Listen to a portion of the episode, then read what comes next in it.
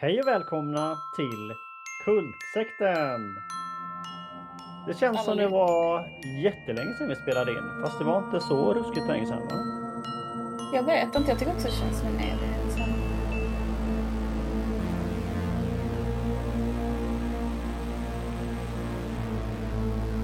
Ja, det är väl länge sedan, sl- när släppte vi sista avsnittet?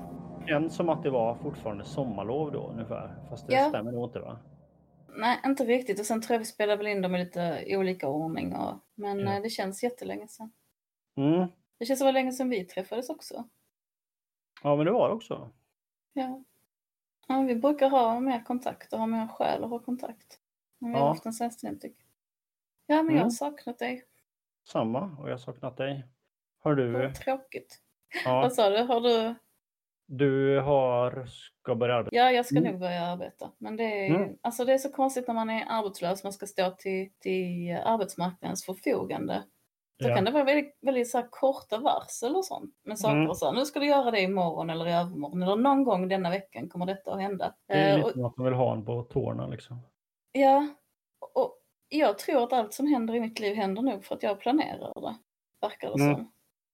Mm. Eh, och nu kan jag inte riktigt planera så nu händer Alltså det blir det är lite passiviserande på ett konstigt Jag tror det är därför vi inte har träffats. För jag vill så här, annars brukar jag skriva in i kalendern så här, preliminära. Men här ska jag fråga den om vi kan göra det och där det. Alltså du vet så här, så faller planen på plats under veckan. Ja. Men nu kan jag inte det för nu sitter jag bara och väntar på att någon ska, eller jag Men jag inte. kan ha, känna igen det där lite som frilansare så att säga. Att jag ibland går och väntar på besked och saker och att jag blir lite förlamad av det. Att, Jag gillar inte ehm, känslan. Jag kanske väntar på ett besked från ett förlag om jag ska översätta en bok eller från ett bibliotek om jag ska hålla en skrivkurs och sådär liksom. Och det känns liksom bort. Om det inte blir av så känns det onödigt att ha börjat planera. Ja men det är väl lite det jag är också. Att många saker är liksom hänger i luften och det känns onödigt att göra mer innan jag vet om det kommer att bli. Alltså, men nu tror det känns ju som att jag håller på att få ett bra jobb. Sen Men så jag blir jag... Ja. Ja, för, säg. Nej, jag tänkte säga att det var eh, ganska annorlunda start på arbetsveckan för min del. Att börja se skräckfilm. Ja, ja, ja, ja. Jag hade egentligen tänkt att se den till helgen. Men jag kände att det var svårt att hitta sammanhängande tid. Jag vill liksom helst eh, kunna, du vet, inte bli avbruten av att någon vill bli nattad eller vill ha en macka. Eller så jag såg den nu efter jag hade lämnat på skolan. Ja, men det är väl gött. Det är väl en, eh, ändå en nice sätt att börja arbetsveckan. Mm, skräckis absolut. Ja. Ja, Men jag, jag skulle säga att jag är lite, jag är lite nervös för att jag hoppas på detta jobbet som jag kanske håller Mm. på få nu. Och det, Mm. då känner jag mig lite så sårbar på något vis. Eller så. Jag tycker Ja. jag ham, hamnar ofta i konstiga situationer. På, jag vet inte om det är jag som har problem eller om det är arbetslivet. Men jag hamnar liksom ofta i sådana situationer när det blir för mycket. Eller Mm. Att det inte känns bra. Men nu känns det väldigt bra och det är konstigt. jag Jag ser ofta till att det blir för mycket av, för mig själv så att säga. Har Ja. kanske lite svårt att säga nej till saker. Eller nej, det låter som att jag egentligen inte vet. Snarare så att jag är för entusiastisk och svarar ja på massa saker och sen bara efter ett tag. Fast har jag tid med det här och vad vill jag göra det här egentligen? Jag, jag brukar liksom hamna i att det blir för, eh, jag tror att det är det att det blir för så krav på högprestation konstant. Men jag behöver lite mer, vara lite kass ibland också. Eh, Eller Ja. du vet sådär, det kan vara ganska, just om man jobbar med att söka pengar och sånt, det kan vara ganska, att man måste vara på sitt game verkligen. Och Mm, sitta och förhandla med olika och komma ihåg allting och sånt. Eh, Ja. kan, man kan inte bara jobba med det, man behöver liksom lite andra arbetsuppgifter också tror jag. Ja, det är bra att ha eh, just detta höll jag på att säga, men att jag skriver ju recensioner och artiklar och Mm. Och det är ganska sweet kan jag tycka. Ja, men det är så här för att om jag inte är så här jättepigg och alert och um, redo för möten eller för att eh, sitta och skriva nytt skönlitterärt eller formulera en kurs och sånt liksom, så kan jag nästan alltid läsa liksom och försvinna in i det. Nu har jag läst en bok så, under helgen till exempel som heter Hur mår fröken Furukura? Den eh, var väldigt bra, så det var väldigt roligt att läsa en bra bok på arbetstid. Det var en, ett fall av eh, märklig titel för övrigt. Det är annars en sån här svensk klassiker att man översätter filmer typ till Det våras för Hitler och sådana saker. Men eh, den här boken heter på japanska typ butiksanställd. Eh, på engelska Convenience Store Woman och eh, på danska så är det Dögnkioskmänniskan. Typ, alltså jourbutiksmänniskan. Och på, Ja, ja, ja, ja. och på svenska heter den Hur mår fröken Furukura? Liksom. Så att det är... Vilket låter som att det, det är någon fråga om någon slags... Alltså när någon är fröken då är det nästan som tycker som att de är så här adlig eller någonting. Eller du vet så här, man tilltalar dem med efternamn. Det känns som det var länge sedan. Eller ah, jag Ja. inte, överklass. Mm, Känns ja. inte alls som någon som jobbar i jourbutik. Nej, mycket märklig titel. Tycker jag. Missvisande. På tal om titlar så har ju vi sett The Autopsy of Jane Doe. Alltså obduktionen av Jane Doe. Mm. Vad tycker du om den titeln? Tycker den är ganska bra. Ehm, Tycker du om den? Ja, jag har inte tänkt över det så mycket faktiskt. Men jag tycker den funkar. Ja. Du är kritisk. Men Både och. Dels tycker jag den är väldigt, dels tycker den är jättebra för det är ju precis vad den här, den här filmen handlar om. En obduktion av en okänd kvinna. Mm. Så då är det ju, jag tycker väldigt mycket om när saker är vad de heter eller vad man ska säga. Alltså det gillar jag Mm. verkligen. Men det är någonting i stämningen på titeln som känns, ehm, det känns så här forensic, polis, Mm. arbete och det känns vetenskapligt och det känns, alltså sådär. Den Samt, jag har stört mig för jag, jag ville inte se den först för jag tyckte titeln var så här bara, "Åh, nej jag orkar inte med någon sån här jävla obduktions... Det låter lite Ja, true, true crime. Ja, exakt. Och lite trist sådär. Eller lite så här deckare. Sånt jag är inte alls intresserad av polisserier och Och deckare. den pekar ju lite åt det i början, åt det hållet. Ja, ja, absolut. Eh, och jag, det, jag tycker alltid det, förkunskap är lite klurigt så här liksom. Så här, ska man veta så mycket som möjligt av filmen man ser på innan, känna till regissören och skådisen och vad den handlar om, eller ska man inte göra det? Och nu när du valde den här som jag aldrig har sett innan och så var det, och jag inte hört talas om heller. Så kände jag bara att ah, men jag skiter i och all förkunskap så får jag liksom inte veta om det är vad skräckinslaget är liksom och, och handlingen. Och det, det, inte, det kanske det är lite befriande, även om det klart finns poäng med det andra också. Jag brukar inte Mm. läsa på innan filmer. Eller det gör jag liksom aldrig. Utan det Mm. är kanske mer vem som säger att de är bra. Som jag går Ja. på om du förstår. Men denna hade jag nog inte sett om inte det hade varit för att andra insisterade. För jag tyckte titeln lät så... Blö. Mm. liksom. Mm. Äh, lät inte som någonting jag ville se. Ja. Eller alltså, jag är ju jätteintresserad av obduktioner och lik och sånt. Det har ju kommit fram. Men en, jag gillar inte det där deckar. Nej. Men som till exempel, jag, fatt, jag visste ju inte innan jag såg filmen att eh, det fanns häxinslag till exempel. Nej, Så det, Nej. så, att, så det blir liksom roligt, ett extra spänningsmoment så att säga, att inte veta tycker jag.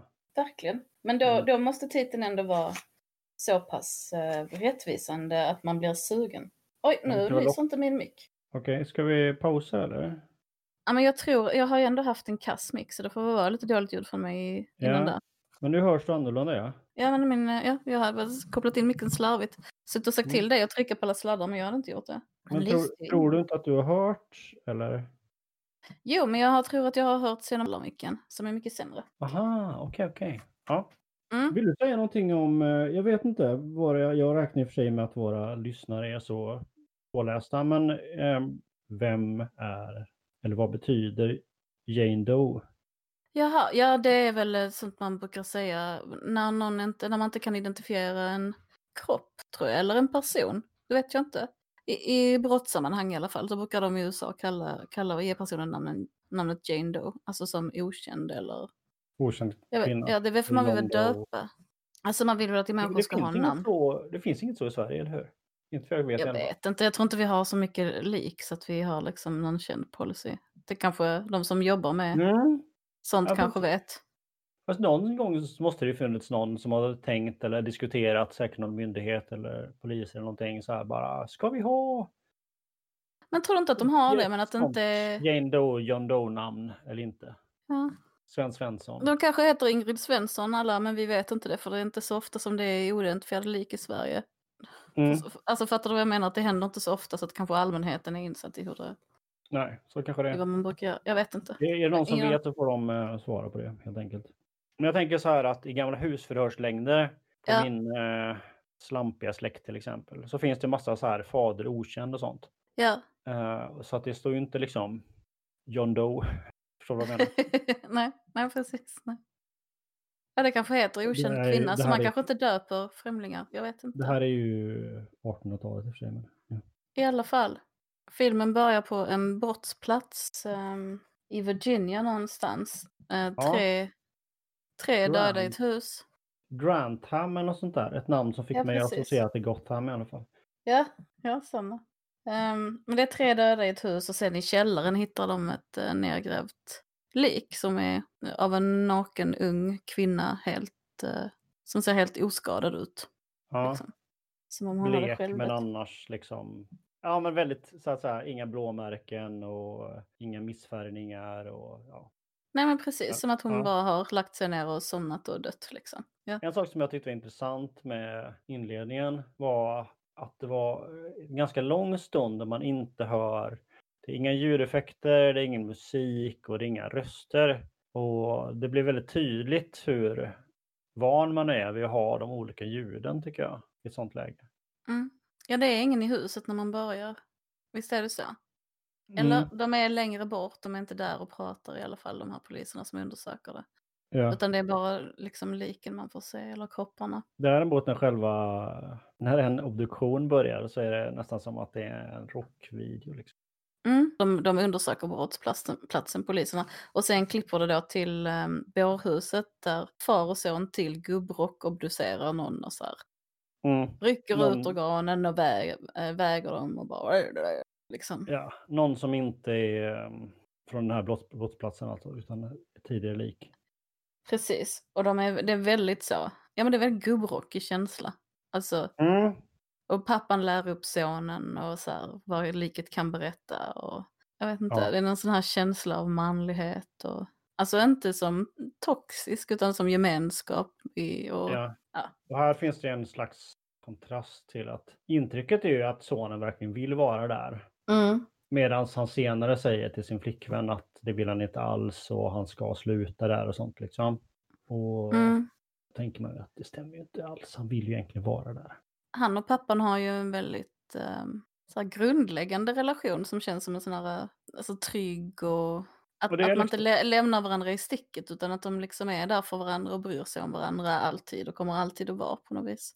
Ja, exakt. Och det, då är väl så också så att de har haft den här för det ska man säga. Och så de, de har varit, haft, de, de har varit rättsmediciner och haft den här begravningsbyrån och docenter i flera Ja. generationer i intrycket.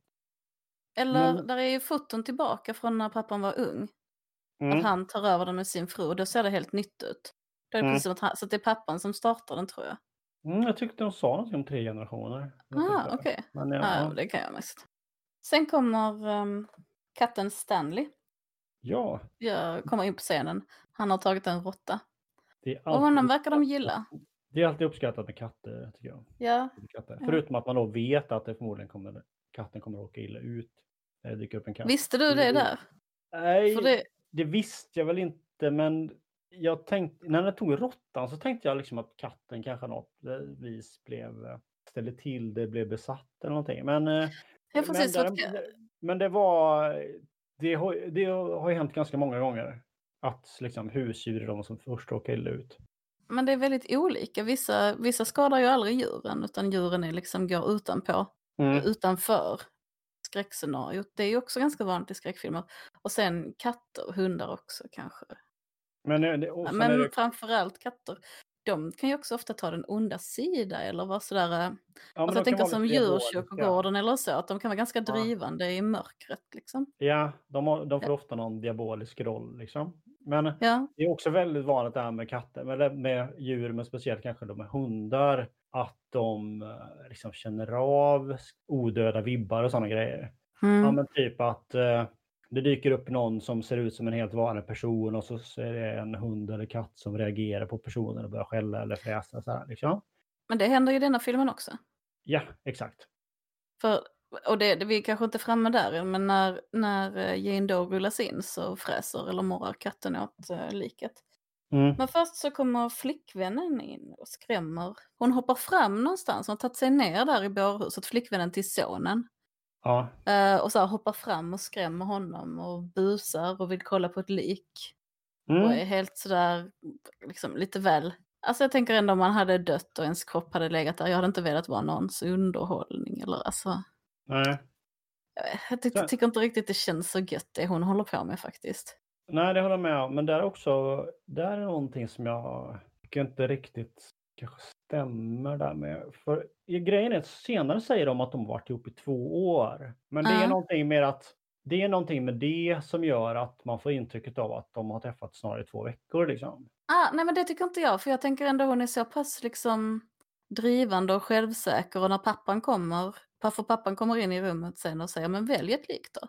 Vi tar fram ett lik så får Mm. titta, välj ett och utmanar henne. Så jag har Mm. verkligen känslan att de känner varandra men att det första man gör är kanske inte ta sin flickvän med till bårhuset. Alltså Nej. att det bara är att hon, Nej, alltså de känner varandra det- väl men Jag tänker att ända efter två år så har man liksom lärt sig att ja, men, bårhuset är off limit liksom. Ja, men det tror jag att det är lite grann, men att hon inte, hon vill inte respektera det längre, utan hon, Ja. hon vill liksom se. Och det, Det är kan man ju se det som att hon vill ta spännande. en relation till ett annat. Mm. Men jag, jag, kan, jag kan på ett sätt också förstå henne, för det är ju spännande med liksom vad som finns kvar när vi är borta. Och så. Alltså jag tycker också det är intressant, men jag tycker hon, Mm. hon är större och pappan spelar med i det. Att Mm. han vill liksom bara, ja men bli skrämd då, lite grann. Så hon tar fram ett lik, eller, eller eh, sonen tar fram ett lik och så sa hon, nej men det är inte det jag vill titta på, det är det här. Och så tar de fram ett annat där det är någon med ett inskjutet huvud som har en, eh, Mm. en liten eh, liksom, duk som ligger över huvudet och så här sjunker in i en djup hål där Ja. ansiktet skulle ha varit. Eh, och så håller de på lite grann att hon, hon vill titta under duken och sonen säger att men det, det finns ingen anledning. Liksom. Mm. Lite så, det vill vi inte. Typ att mm, du, du kommer inte kunna glömma det här liksom. Eller, nej, nej, precis. Han- Eh, ja.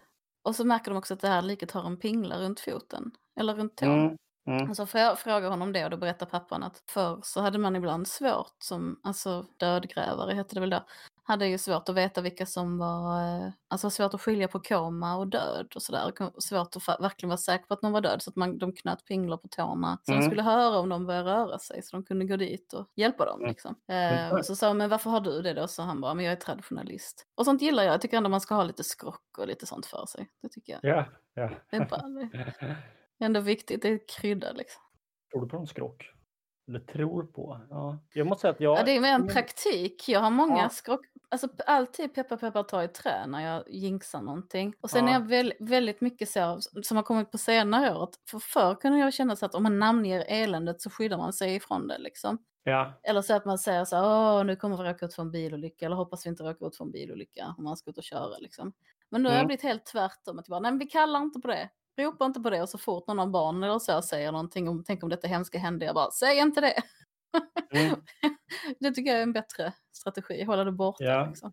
ja men så här, det är väl kanske tvärtom, eller tvärtom, så här att man gör vissa saker fast man inte tror på det. Förstår du vad jag Mm. menar? Mm. Ja, men det är praktik, det finns ingen, det är Ja. liksom ingen, där finns ingen så här bara, åh men om jag inte säger pepper pepper tar i trä och knackar i något trä så kommer Mm. det att, bli jinxat. Det gör ju inte. Ja, Nej. ja men eh, jag skålar inte i vatten till exempel. Gör du inte? Nej, Jag skålar inte med tomma glas. För det har jag ja, fått nej lära inte det heller. Nej, det kan man inte göra heller. Men skåla i vatten har jag däremot aldrig hört. Nu, det, fan nu kan jag inte skåla i vatten längre, varför sa du så?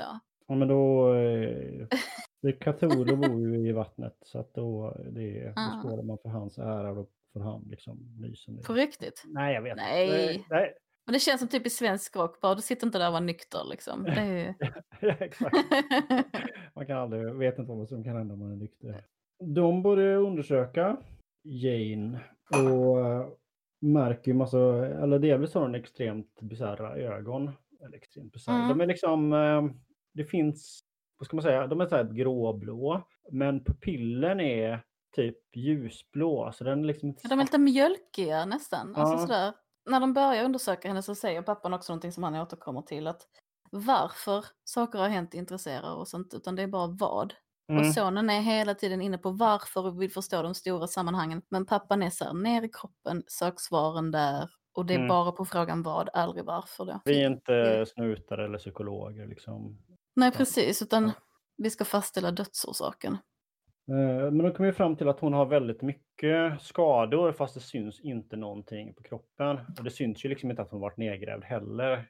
Att hon har brutna fotleder och handleder kommer de fram till på den yttre, ska man säga, undersökningen. Ja, Och och, sen- det, det man ska säga också att egentligen hade ju sonen planerat att sticka och kolla på film med flickvännen. Det var därför hon kom dit. Men sen Mm. kom Jane då och avbröt det, så då skickade de iväg flickvännen. Och då, kom det, Mm. då var det en konflikt om en så här, att sonen liksom slits mellan det nya livet med flickvännen och det gamla livet med pappan. Det är där den konflikten blir tydlig, eller hur? Mm, absolut. Och han går ju Ja. tillbaks. Yes. Alltså till, till och hjälper till med obduktion- obduktionen. Uh, när de ska börja skära i henne, eller nu går jag lite förväg, jag vet inte hur jag mm. ska berätta. Nej men det, men- nej, men det, det ja. Gör Eh, det. Då, då sätter radion, eller de har väl radion är väl igång, men det är liksom som att den byter kanal och, och plötsligt kommer det en eh, kryptisk, kanske inte kryptisk, någon slags barnramsa eller godnattramsa liksom. Ja, med ordet sunshine, let the sunshine in är en del i den. Vilket jag tycker är lite synd, för det är ju en väldigt klassisk, Mm. alltså det är musikalen Hair. Mm. Så det hade varit gött om de hade hittat någon annan visa som inte innehöll den textraden. Men ja, ja, Ja. man kan inte få allt. Men innan dess så har du egentligen, eh, de de i näsan och det ser inte ut något som något konstigt där, men sen kryper ändå fram en, en insekt ur av näsborrarna liksom. Mm. Och Det eh, är ju, flugor brukar ju lägga, lägga ägg i lik, så det, det är ju ett sätt man daterar lik, är ju att se hur långt fluglarna har kommit. aha. Men ehm, alltså, här är det ju ingen ordning. Det kommer en levande fluga ur hennes orörda näsborre sådär, som, som inte alls är upplöst. Eller, liksom. Ja, exakt. Och det finns... Och hon är eh, inte likstel, har du märkt om du sa det kanske. Ja, och ingen lik, inte likblek heller. Och, och, Så tittar de i hennes mun och ser att hon har avskuren tunga och då berättar pappan, eller de ritar liksom upp hennes kropp och olika skador och då säger han att det här, jag har sett detta innan, mamma, han är ju väldigt gammal och liksom erfaren, han bara, i trafficking har jag sett det här, att man har varit fastbunden i händer och fötter så att det är hårt så att benen har brutits och sen då tungan utskuren för att inte kunna ropa på hjälp.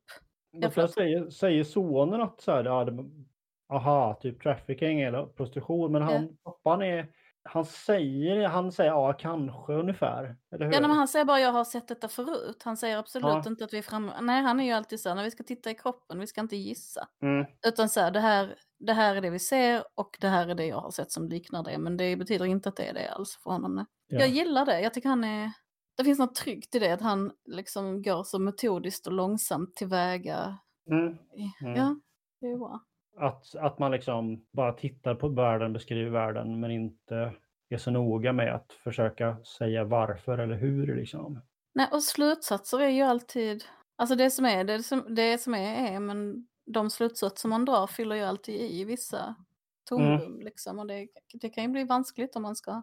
Alltså det finns ju nå- någonting respektfullt i det, för det är ju som att han vill få fram det här likets historia. Det är ju aldrig uttalat för hennes skull, men det känns ändå lite grann som det, vem har gjort det här?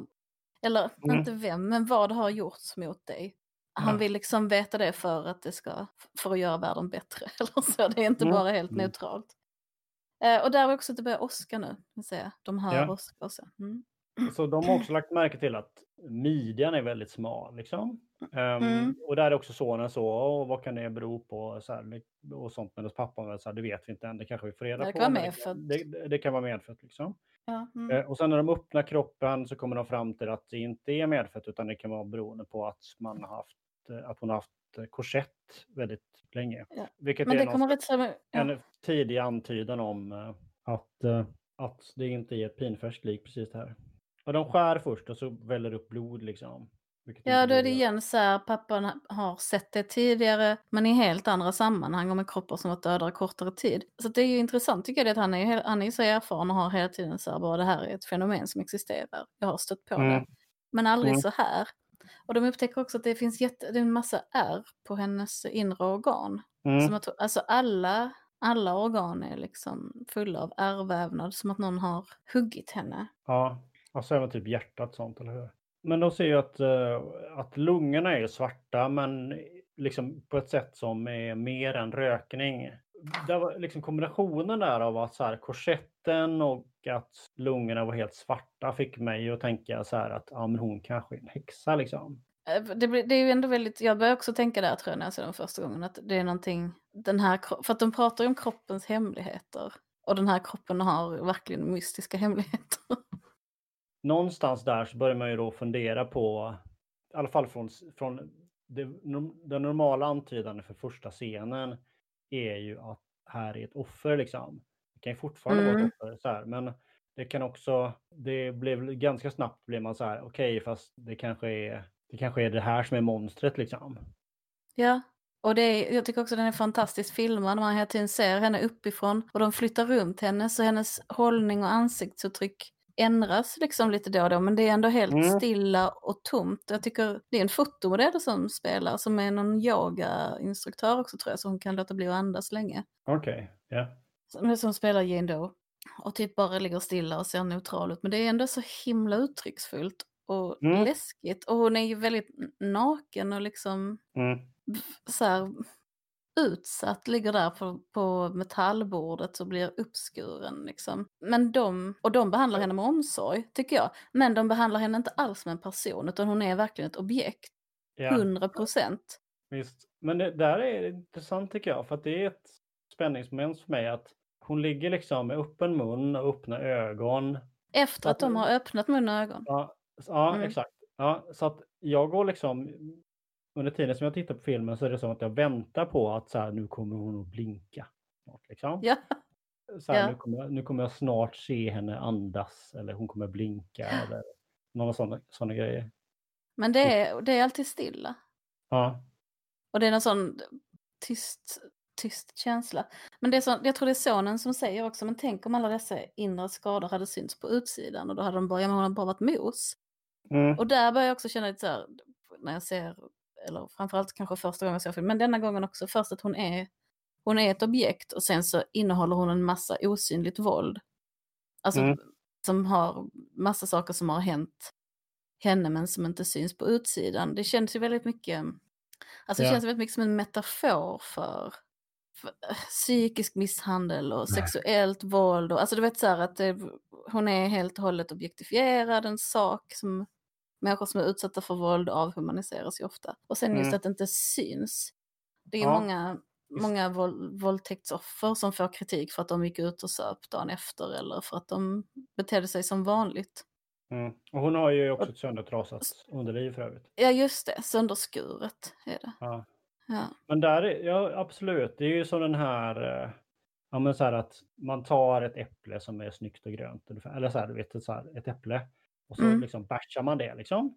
Mm. Och, så, och så har man ett likadant äpple som man inte har slått på. Liksom. Men de bägge två ser likadana ut på utsidan nästan. Fast mm. man, det är det första man skär upp äpplet så att säga. Så man ser skadorna. Och det, det är ju den parallellen där på något vis. Att man ser inte vad folk har inuti liksom, eller vad folk har råkat ut för. Ja, ja, nej, som en övning, ja. Och det blir ju väldigt mycket så med henne. Mm. Eller de, och där finns också igen någon slags konstig empati från deras sida, som en, alltså en empati men med ett objekt. Eller vad man ska säga. Mm. Och pappan här vänder sig liksom ner till henne och frågar vad, vad har hänt dig? Mm. Alltså han du vet, så han pratar med henne ja. och vill veta liksom. Ja, han är faktiskt, eh, trots att han inte är intresserad av orsakerna, så är han ju mer intresserad egentligen, mer empatisk på det sättet. Ja, men, men där, är också, där är vi också någon slags kyla som jag, eller någon gång när jag varit sjuk så har jag varit eh, ganska förtjust i det, alltså när det varit lite så här akuta lägen. Den här läkarkylan, att man bara det och det och det ska göras och det ska göras nu. Att man liksom, mm. det inte, behöver inte vara så himla mycket känslor så allting blir så jobbigt. Men när det gäller, om man nu ska mm. utreda de värsta brotten som begås så kanske det är bra att inte börja deppa över att människor är onda utan alltså man mm. gör, gör sitt jobb. Ja. Men jag tycker jag ser ändå en, en sån genuin omsorg hos båda. Ja. Framförallt pappan. Och här råkar pappan också skära sig när han... Eh, alltså saker ja. börjar bli lite virriga, det börjar bli sent på kvällen och han skär sig och fläkten pajar och sonen trillar när han försöker lösa det. Och... Ja, jag trodde ju att, äh, att jag var, det, det, där är ju en sån för min del bara, nu blir han smittad liksom. ja. Så här på något vis. Men det blir han inte. Nej, han bara har skurit sig ett, ett skärsår liksom. Ja. Men sen, sen när, när de lyckas öppna fläkten då för att kolla vad det är för fel på den så sitter Stanley där inne och är jätteilla skadad. Mm. Så de, de bär ner honom och eh, pappan kramar honom och knäcker hans nacke. Mm. Jag, jag antar för att de tänker, alltså han är ju ändå läkare, han kan väl avgöra om det är kört och om det är onödigt lidande. Ja. Men det som är så fruktansvärt som man inte riktigt vet men kanske kan börja misstänka det är ju att Jane Doe har tagit över deras eh, perceptioner. Hon styr ju Ja. över vad de ser. ja. Men hon, hon styr ju inte över någon materia. Så när han Mm. knäcker nacken på Stanley så är det ju antagligen en helt frisk katt Eh, han dödar. ja. Men det vet man inte här. Men det känns men, men, det, men det finns ändå någon känsla av att det är fel tycker jag. Eller att man känner att det, det är inte som det ska. Mm. Och sen så går papp, pappan är jätteledsen och går iväg och kremerar Stanley. För de har ju krematorium och bårhus där. det Ja, det och sen Jag så tänkte liksom han inte riktigt på att de hade det innan de började göra Nej, nej, men det står på skylten att det är bårhus och krematorium. Men jag tänkte nog inte Ah. heller på det riktigt. det. Okej. Ja, men han, det- han, han går och eldar Stanley och då ber han också om att få lov att vara i fred en stund. Han Mm. vill liksom vara själv och vara ledsen. Jag tänkte på det en, en bit nu in i filmen så att säga. Så är det, det blir väldigt tydligt att det är någon slags lågbudget indiefilm liksom. Att det Mm. att det är väldigt, det är också ett slags kammarspel där så gott som all handling utspelar sig bara på en plats. Det, jag tror det bara är två Mm. scener som är utanför själva krematoriet. Liksom. Och det är Single väldigt få- location brukar man kalla det. Ja, det är väldigt få, väldigt få personer inblandade och den handlingen som vi ser utspelar sig under väldigt, väldigt kort tid också.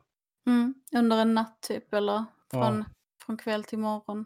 Efter att eh, de har bränt, eller pappan har bränt Stanley så pratar de om att det var mammans katt och en av de få saker som fanns kvar av mamman. Mm.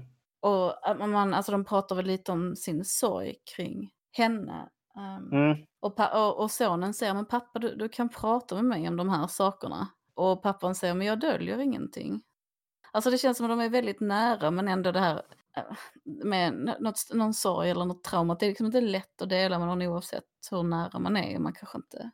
Man kanske tycker att det, det blir inte bättre att prata om det liksom. Nej men exakt, jag får Eller verkligen den känslan av pappan att han bara, ska vi liksom röra i detta jobbiga i onödan? Kan vi inte... Ja, Och Ja. du ser vad du får.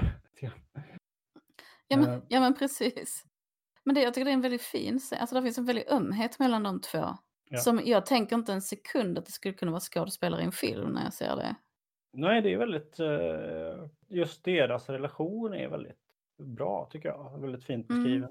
Och sen börjar de då obduktionen, eller fortsätter obduktionen och Kommer ner till maginnehållet.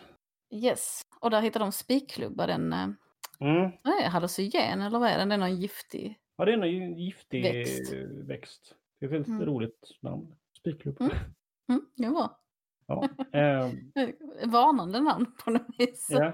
Och så hittar de ett eh, litet tygstycke med som det är en, hennes, hennes tand är inslagen i, eller ja, kan man väl säga.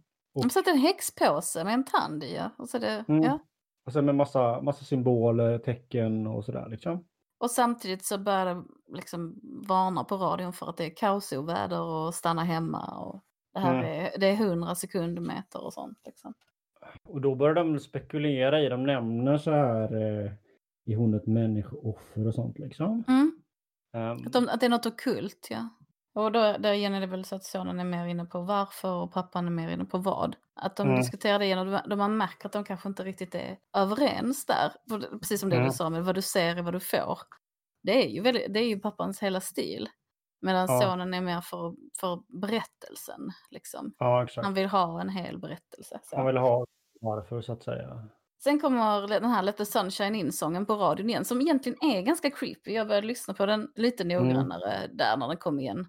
Och där är inga instrument och det är lite sådär, ja, det kan verkligen Mm. vara en häxsång. Ja. Eh, Och, och Open Your Heart är ju alltid lite äckligt i samma obduktion. Och, där, är, ja, det är lite sådana såna Ja. textrader i den som man Mm. Eh, Men de reagerar, de försöker byta, för det är precis som att det är en störig låt, så de försöker byta bort den från radion, men de reagerar liksom inte riktigt på, på att den kommer igen, vilket kanske inte är, det kanske man inte gör. Men sen går strömmen i alla fall, så det blir mörkt. Från att vara en mer lågmäld spänning så här så börjar det bli mer creepy liksom. Så här att ja, nu blir det mörkt, liksom, nu går lamporna. Liksom nu börjar det på riktigt liksom, lite grann. Och så ser de att där liken har varit, med ficklamporna lyser de och ser att "Åh, liken är inte kvar i sina sådana kylskåp längre. Mm. Och pappan bara, nu sticker vi. Sonen har varit lite så, kom igen vi drar, det här är- känns obehagligt innan. Men pappan bara, Ja. nu drar vi. Ehm, men eftersom strömmen har gått så funkar inte hissen som går upp i liksom, deras mottagning så de ska ta trädgårdsutgången då som är luckor. Och där har Mm. ett stort träd fallit över luckan. Ja. Så de kommer inte ut och det finns ingen täckning på telefonerna. Så de ringer till sheriffen med marklinan men han hör inte utan den bryts där också. Och då sitter de inne på kontoret och är jätterädda. Vilket Mm. är lite charmigt tycker jag. Ja. Och här börjar liksom, efter det så börjar de ju fysiskt, eller pappan blir liksom fysiskt attackerad. Ja. Och de, hör, de sitter i kontoret och hör så här pling, pling, Ja, exakt. exakt. pling, att något av liken är ute och går och, och sen bara bankar på dörren. Såna, jag tycker jag är alltid skrämd av bankande. Ja, Alltså, jag tycker det är äckligt när, en, när det bankar så dörrarna skallrar där när de sitter på ja men det, det får man ju att tänka också på Mm. Hill House där det är mycket bankar och slår i dörrar. Ja, men, eller, jag märker, märka att jag har en stil för det är så här bankande och, och lik och obduktioner. Det verkar vara som jag, jag dras nog till det. Ja, ja, ja. det är också samma. Mycket Ja. som är samma som i Hill House. Och då så, de är på väg i hissen och Mm. Eh, vet att det finns någonting utanför där så att säga. Liksom. Och så Mm. öppnas hissdörren sakta, gör den väl, de här gallrarna. Och så liksom hugger pappan till på det som är ute och attackeras liksom. Och så stänger de igen. Och så hör de så här gnyenden utanför. Och så öppnar Mm. de och då visar det sig att det är ju eh, flickvännen Emma som han har huggit ner. Ja precis, de har attackerats av lik och försvarat sig mot lik och ska fly. Ja. Men det är också så, exakt, det är inte som att vi, liksom, man har fått se att det inte är Emma så att säga. Liksom. Man har sett ett lik Ja, ja, med, sönderskjutet ansikte. Liksom. Att det är, eh, så det är ingen som, jag vet inte, det är inte liksom någon slags tillfällig förvirring på det sättet. Utan det är en, Nej, nej, det är- en- det är inget- det, är- det, är en, det är en skillnad i perception helt enkelt. De har inte sett. Det, men det är, en liksom, rationell papp, det är en rationell handling av pappan att hugga. Ja, Bara hugga rakt ut genom hissen där för att komma undan. Det, mm, det är helt rätt, det är bara det att det var ju en människa där. Och anledningen att de springer till hissen från början där är att de har, de har liksom fattat att det är häxkonst och fattat att det är Jane Doe som ligger bakom. mm, Och det jag tänker mig där är som jag, som jag känner så himla starkt. Jag bara, men om ni förstår att det är hon som gör det så gå och prata med henne liksom. Försök göra det Mm. bra för henne. Försök, liksom, alltså, för att de, då, Ja. då har de ändå förstått att hon kan handla och hon ligger där uppskuren naken på en plåtbrits. Tänk, tänk liksom.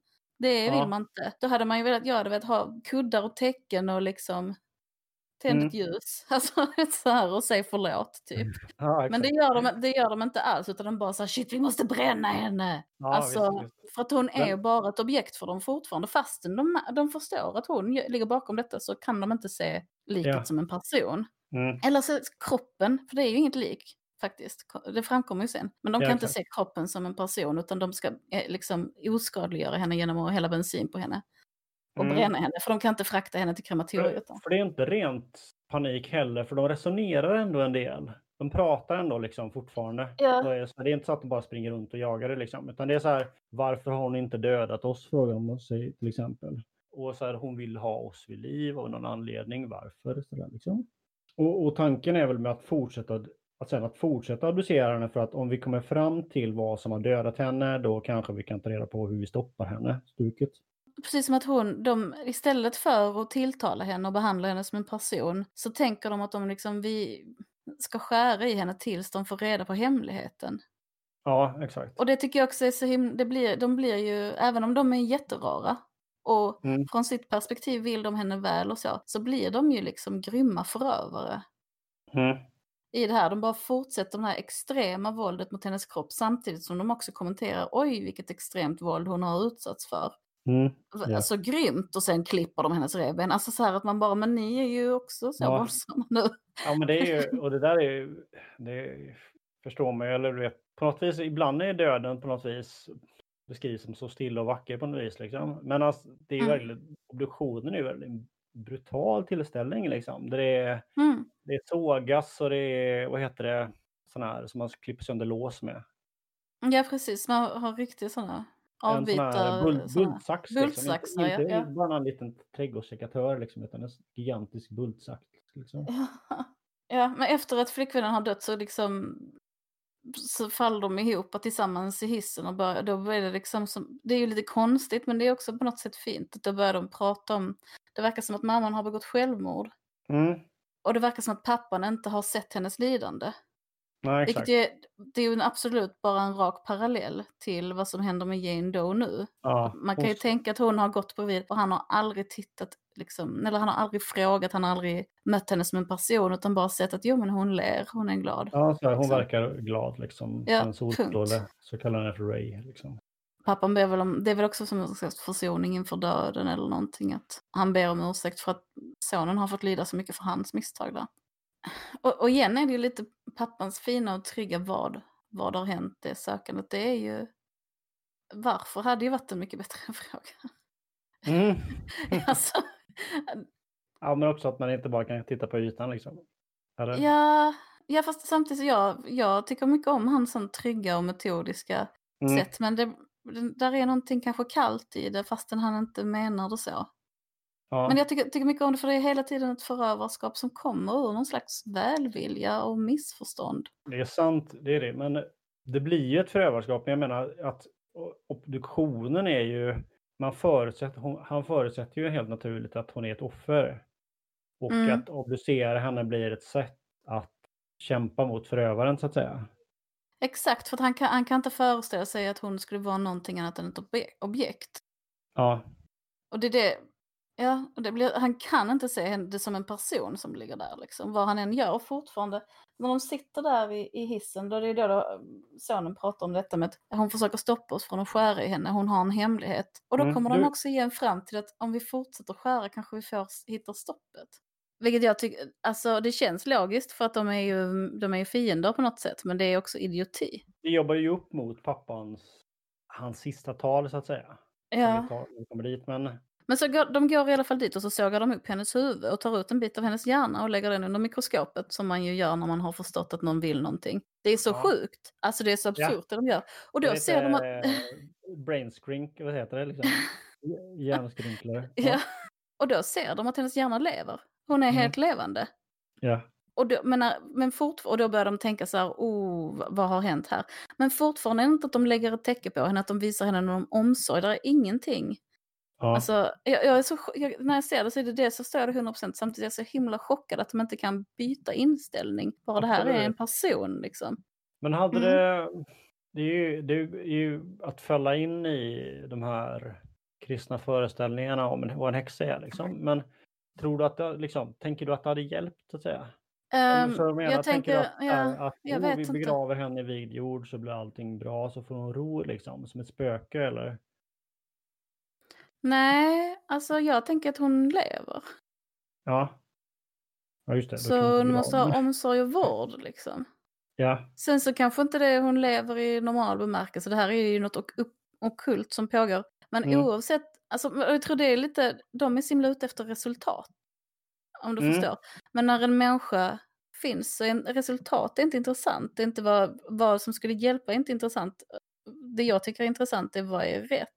Och rätt är inte att såga upp någons huvud utan deras medgivande. Utan alltså, nej, nej. rätt är mjuk, mjuka tecken och förlåt, förlåt att vi har skadat dig. Alltså, Absolut. Men, men om man säger så här, liksom, så det jag funderar på är om filmen presenterar det här som en slags personifiering av ondska eller inte till exempel. Alltså, det, det är inte som att de här, trött, de här tre första dödsfallen, det finns ju där inget tecken på när de hittar hennes lik första gången. Att någon har, att de personerna som var där hade skadat henne. Eller? Intrycket är att Nej. de, att, att de hittar henne och sen så dödar hon dem. Ja, men igen, de kanske har behandlat henne som en sak. Ja.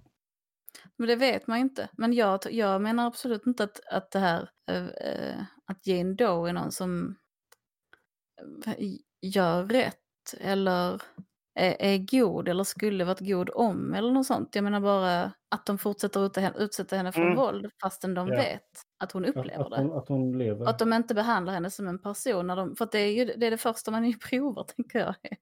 Och shit, Ja. det här är en person. Då be- behandlar vi Ja. henne som det. Inte, oh, det här är en person. Vi skär upp henne liksom igen mer. Och de Mm. förstår ju Mm. också att hon känner allt. De säger det. Shit, hon har känt varje, Ja. varje klipp i, i skelettet. Och man, man har också sett det på hennes ansikte. På något sätt har det varit, även om det har varit helt stilla, så tycker jag man heter, det har gett en förmedlat känsla liksom. Mm. Eh, jätte- jag- Men det är det som gör att jag älskar den här filmen, den här konstiga motsättningen mellan eller Ja. så här, att hon befinner sig någonstans i mitten av att vara ett objekt och vara en person. Mm. Och de väljer bara objekt liksom. Tills, tills ja, det, kom, det blir någon slags vändning. Ja, lite grann. Lite grann Ja. blir det ju. De, pussleriet fortsätter och de eh, lyckas få ihop hur den här eh, lappen de hittar, lappen, tygstycket som hittar i magen. Mm, Vad som egentligen står på det. Och det är en hänvisning till ett bibelcitat. Leviticus 2027. Och då har de väl på något vis kommit fram till också att Jo, det står just det. Det står en siffra också, 1693. Så de Mm. kommer fram till att, att hon är en av dem som blev dömd i rättegångarna, häxrättegångarna i New England i Salem. Och det var, de är väldigt berömda i USA just de där. Även om det var för att de var de sista eller någonting. Nej, det är för att det var de Eller- enda. Det, var de Det är det enda. som är så märkligt, det var bara 30 tror jag, något sånt häxor som brändes i USA under hela Ah, oj. I- häxjaktstiden. Okej. och det var väl i, det var där i New England, men det var, jag tänker också, det, det är ganska nat- eller det var kanske mer fritänkare som drog till Ah. USA liksom. Eller jag Ja, vet Det inte. var ju många Men fler i... Ja, det var Mm. tio gånger fler bara i Sverige tror jag, eller jag tror jag 470 eller någonting. Häx, eh, jag har inte Mm. kollat upp detta inför det här gamla, men det var Ja. många fler som, som torterades ihjäl och brändes i Sverige. Men de här häxorna i Salem har ju blivit väldigt kända eftersom det, vi har många orter som är värre i Sverige, Ja, men de är inte lika kända Ja. när det gäller Nej. häx, eh, häxplågande och häxbrännande. Och där är pappa, pappan är ju igen väldigt fin i sin saklighet, att han bara, det häxor finns inte.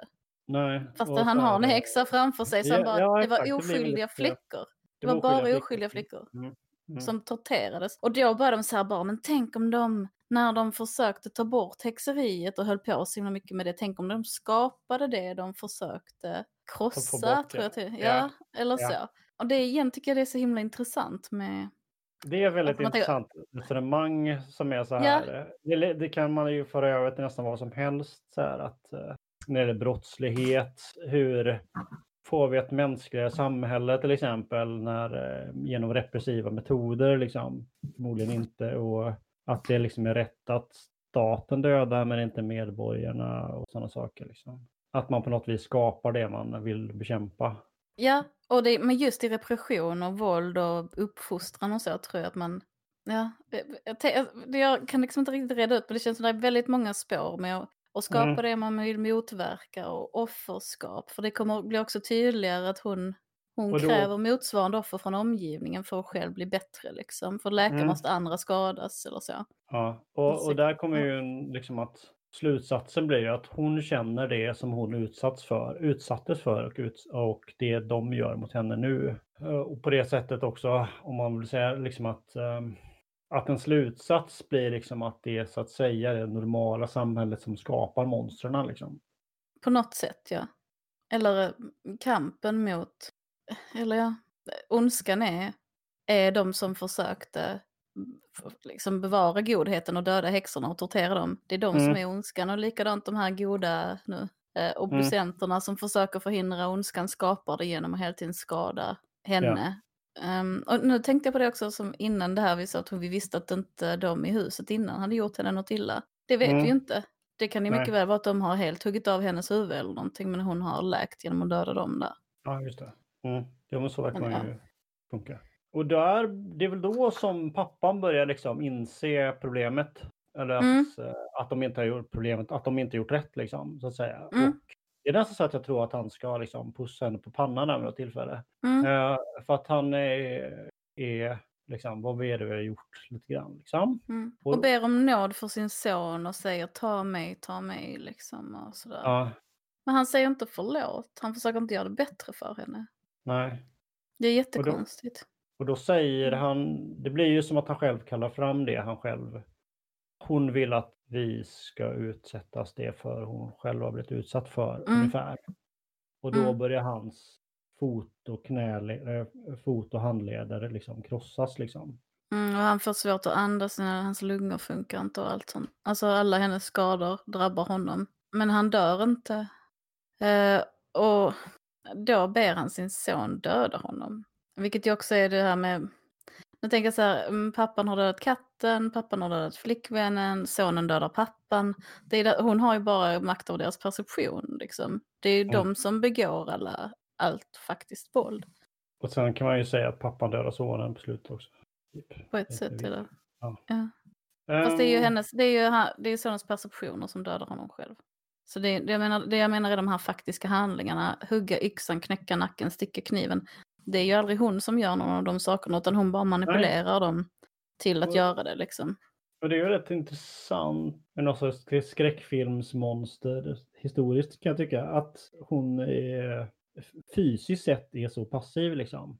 Att hon- Helt och hållet, ja. Ja, att hon, man väntar ju sig liksom, gör jag i alla fall, att hon på något vis ska åtminstone liksom röra på sig lite grann. Blinka, Ja. men det, det är liksom titta åt ett håll, men hon, det är inte så att hon någon gång kliver upp, utan hon Nej. ligger bara där. Hon är ett lik på något sätt ändå. Eller för hon är skapad till ett objekt. Ja, jag, jag tycker det är jättehäftigt. Men, det, men Ja. det verkar det, när pappan dör där så verkar det ju som att dagen kommer, ovädret försvinner, räddningen kommer och sonen ska klara sig. För det är Mm. någon som börjar röja trädet där som ligger på luckan till källaren. Mm, polisen. Eh, och, ja, och sonen försöker ta sig ut, eller vad det låter som polisen. Och sonen försöker ta sig ut och ta sig det. Och då börjar polisen sjunga den här Let the sunshine in-sången. Så att Ja, sonen exakt. förstår att "Åh, det är inte polisen. Och sen skrämmer pappan honom där så han trillar över trappräcket ner två våningar och, och dör. Eh, och då, visar, då visar det sig att det har inte varit någon polis där ännu. Och det har inte varit något träd på luckan. Och det har inte varit något oväder alls. Utan radion slår om till normalt och säger åh, fjälldagens solsken. Liksom. Men en sak som är intressant kan jag tycka är att då kommer ju, sen kommer ju polisen och hittar de här Mm. sonen, dottern, nej, sonen, pappan och flickvännen dödade liksom. Eh, och, Mm. och det ser ju ut som att rimligtvis då sonen har dödat de två andra och sen själv dött ett fall kanske någonting. Men han Kanske. är, men polisen eh, drar liksom inte ändå den slutsatsen utan så här, det är någonting som inte stämmer här. Jag känner den här familjen, det här ska inte ske. Och att han vill Mm. Ha bort liket därifrån. Eller liket, eh, han vill ha bort eh, Jane. San. Ja, Ja. Han vill inte ha kvar henne i sin ja, jurisdiction liksom. Nej precis, utan utom mitt distrikt. Men det är inte så konstigt för han har ju redan gått en gång igenom den här en annan familj i ett hus. Och Mm. sett samma saker och sett uh, Jane Does lik ligga i källaren där oförstört. Och sen nu, nu är det samma, där ligger det här liket oförstört och så nu har detta hänt. Jag, kan, jag hade också kunnat säga så bara, ja, är liksom en procents chans att det här är något okult. Så vi, och på den Ja. procenten, bort Ja, med henne ja. liksom. Jo, men det är, väl, det är sant. Men jag tycker också, ehm, jag kommer ibland att tänka på The Usual Suspects med Kaiser Soze och allt det här. Där det, när han, någon säger så här, snutar har ingen fantasi liksom. Det finns ingen mastermind kriminell bakom allting och tror man att det är butlern så är det butlern liksom. Det är det mest sannolika och sånt. Mm. Men att, men att den här snuten har i alla fall tro på det övernaturliga på något vis, undermedvetet. Jag känner att någonting är fel. Men det ska ju vara sådana här rek och karar, alltså sådana här trygga, fina karar i olika generationer och på olika sätt som är snälla mot. Mm. Alltså det ska ju vara den, det är den typen av manlighet som beskrivs i hela filmen. Jag tycker, det är, jag tycker det är häftigt att den får vara ondskan på något sätt samtidigt som den är offer. Ja. Mycket coolt. Ja, det är, jag tycker att på tal om slutet här igen så, eller, jag visste verkligen inte hur det skulle sluta. Nej, Så här, så här, lyckas de eh, få livet av häxan liksom och rädda Ja, dagen och överlever sonen och pappan och det, blir det liksom en, man tänker ju traditionell, jag tänkte traditionella häxgrejer liksom, typ en påle genom hjärtat, Mm. Krem, ung, eh, krematoriet och sånt. nej. Nej, alla dör ju. Och sen, men sen så kör de ut henne Till något nytt ställe. Ja, och då är det, då är det två typ ambulansförare eller vad det är som kör i sån sjuktransport nästan med henne. Mm. Och då börjar den här Let the sunshine in-låten låta på radion. Och sen är det min, jag tycker så himla mycket om det, sista klippet, det är på liksom, de backar bak i bilen, eh, man ser Janes fötter och sen så rycker hennes tå lite och så är det ljudet av en pingla. Mm. Sen slutar det. Och det är så, ja, det är så cheesy, liksom, skräckfilms. Ah, det kommer hända mer saker. Jag älskar det. Det är en väldigt så blinkning till en eh, tafflig historia som jag bara är så förtjust i. Sen är det ju lite lustigt på det sättet för att det är första gången i filmen som eh, hon rör på kroppen så att säga. Eller hennes kropp jag rör på sig. Ja, jag, tycker inte, jag tycker nästan inte det är en del av filmen utan det är bara som en liten så här cheesy, bara vi vet vad vi är. Vi vet Ja. att vi är en klassisk vanlig skräckfilm liksom. Fastän den verkar ha högre ambitioner. Så. to be continued. Ja, jag, blir jätte, jag blir jätteglad när det händer. Jag bara, yeah, Ja, jag känner mig hemma. ja. Tal om känner hemma. eh, Där, Mm. Jag tyckte att pappan, han kände jag igen extremt väl. Så jag var tvungen att gå in. Mhm. Han har ju spelat i massa olika grejer. Men eh, han, jag känner inte igen någon av de andra skådisarna. Eh, Flickvännen känner jag igen från lite andra grejer. Mm. Hon är till exempel med som någon slags bimbo-kompis i uh, Feel Good. Som finns på Netflix, en serie. Så vad tyckte Mm. du? Jag tyckte den var bra. Inte så här perfekt så, men eh, ja, bra. bra. Jag Mm.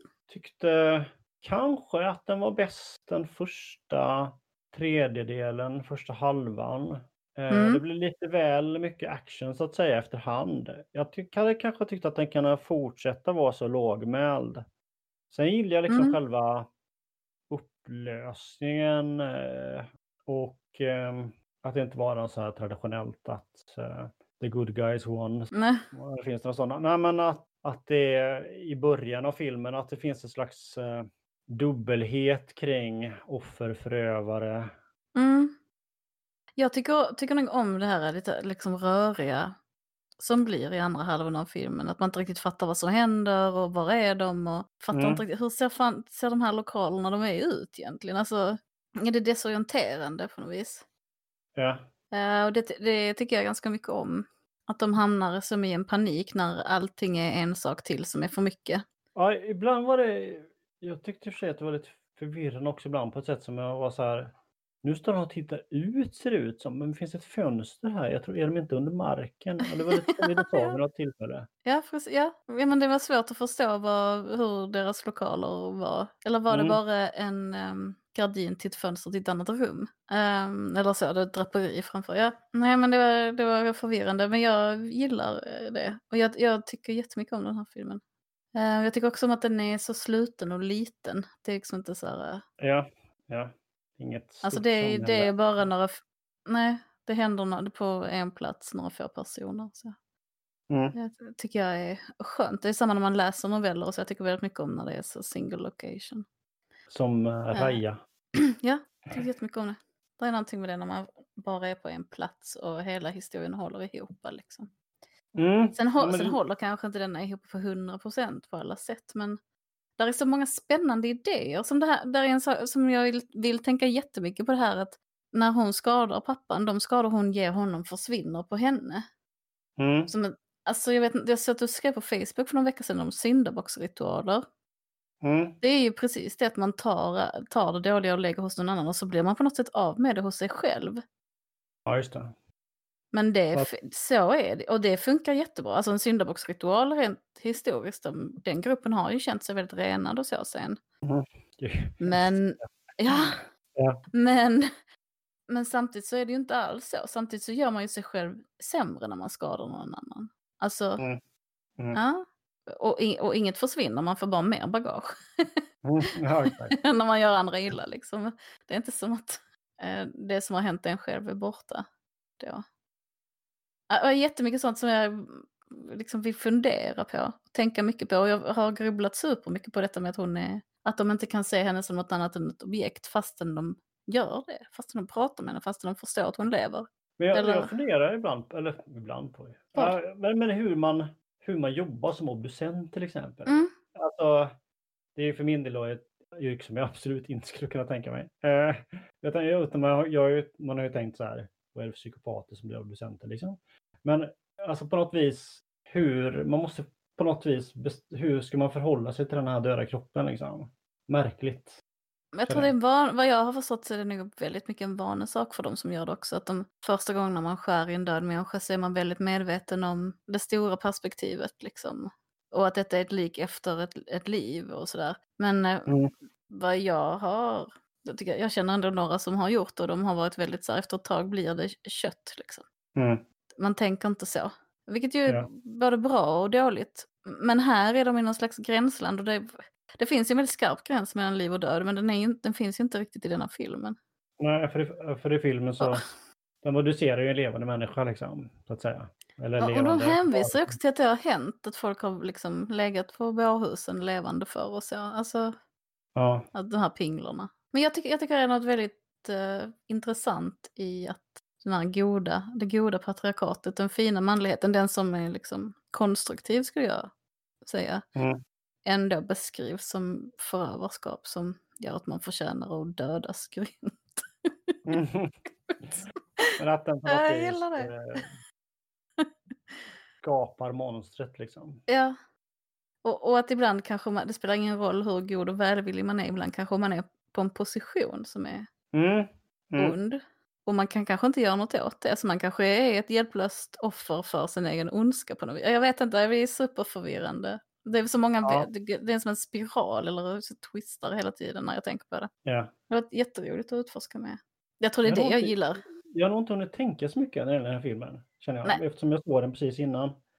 Ja men precis, du såg den idag. Jag, har, Mm. jag såg den för några år sedan och har sett den flera gånger och gått och tänkt på den och grubblat fram och tillbaka och läst och Ja. vad har andra sagt och så.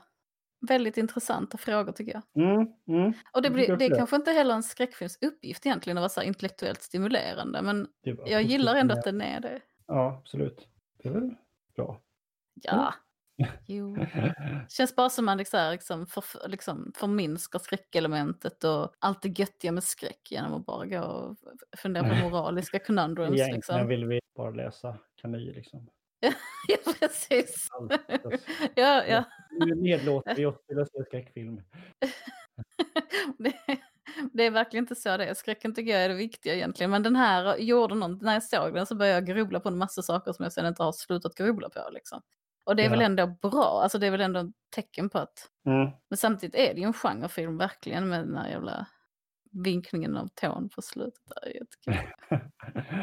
ja. Ehm, jag har inte sett Trollhunter, men det är samma regissör. Har du sett Trollhunter? Mm, det har jag inte gjort. Nej. Nej, det måste jag se. jag tror jag har hört talas om den, men eh, jag har inte sett den heller. Eh, ja. På IMDB har den 6,8 den här filmen. Ja.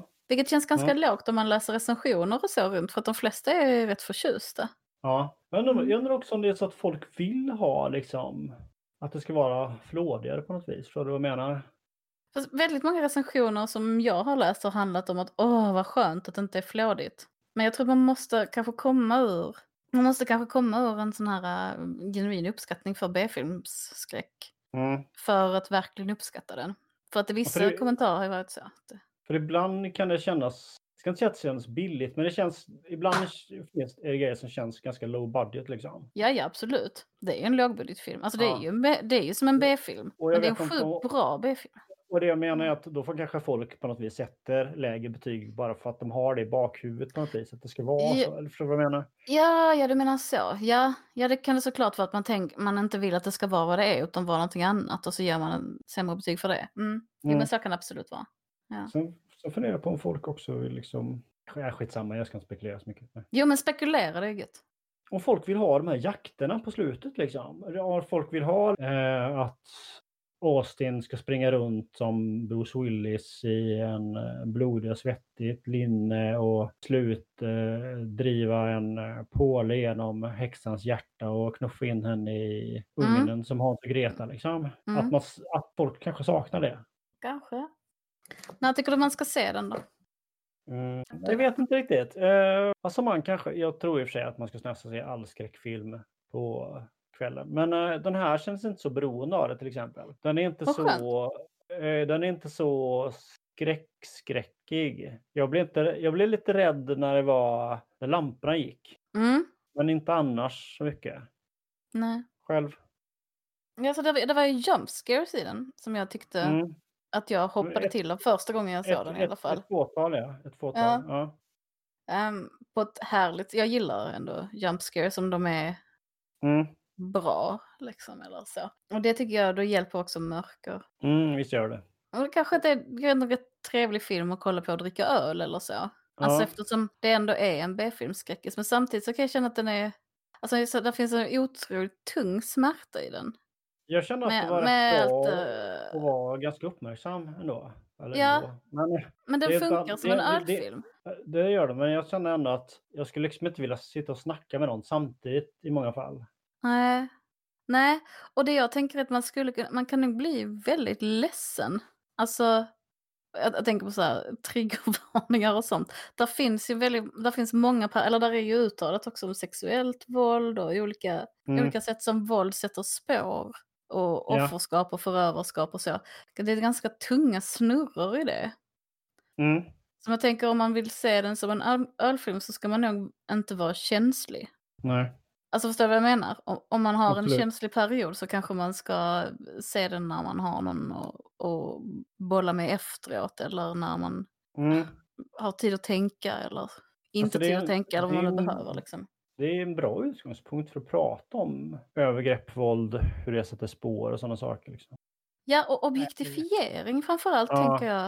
N- när man ser, ser en, när man inte ser att en människa är en människa. Mm. Hur mycket skada det kan göra. Mm. Och psykisk sjukdom lite grann när man missförstår perceptionen nästa år. Där är ju jättemycket intressant Ja, det är, man kan ju dra ganska många paralleller till. Som eh, yta kontra inre och tjokim liksom. Sådana saker. Ja. Men det är ganska tungt. Alltså det är inget som man bara... Ja, jag vet inte. Samtidigt så har den här härliga B-films öl. Mm. Jump, Mm. jump scare-känslan. Och Jag tycker det är väldigt gött att bägge de två får plats. Ja, Och jag, Jag tänker man kan... det var- att det var gött att i, allmänhet kanske man skulle vara kritisk mot så här förklarande saker. Men när han, så här, pappan liksom började inse att, att eh, vad har vi gjort mot, mot henne egentligen liksom. Så var det, Ja. det var lite så här på lätten och så här, ja just nu började det liksom, ja det var intressant tycker jag. Ja, men jag känner att jag skulle Mm. kunna skriva en, en liten uppsats om varje olika sån här eh, förövaren befriar sig igen från det våld den har upplevt genom att begå våld, grejen Mm. som Jane gör och liksom, ja men våld som inte syns och att objektifiering och avhumanisering, vad det gör med offer och förövare. Och, men där jag kan skriva liksom en liten uppsats om varje sån grej känner jag. Eller hade nästan Ja. behövt göra det för att reda ut mina tankar för det är ganska så liksom, massiva teman. Men jag är liksom inte riktigt framme där, jag har ju bara tänkt några år på detta. Så. ja, några Mm. år till. Sen kommer boken. De förvirrade anteckningarna kommer sen kanske. Okej. Nu säger vi ingenting om vad vi kommer att se nästa gång för vi har tendens att avbryta, ändra oss många gånger. Ja, men det finns väl en förhoppning om att vi någon gång i framtiden ska se Nightbreed och då ska ha en gäst. Som du Yes. känner. Det känns Ja. ju jättekul. Nightbreed. Yay! Ja. Annars vet jag inte. Tack för att ni har lyssnat på detta Tack så mycket. pladder. En jättebra film, tycker jag. Adjö.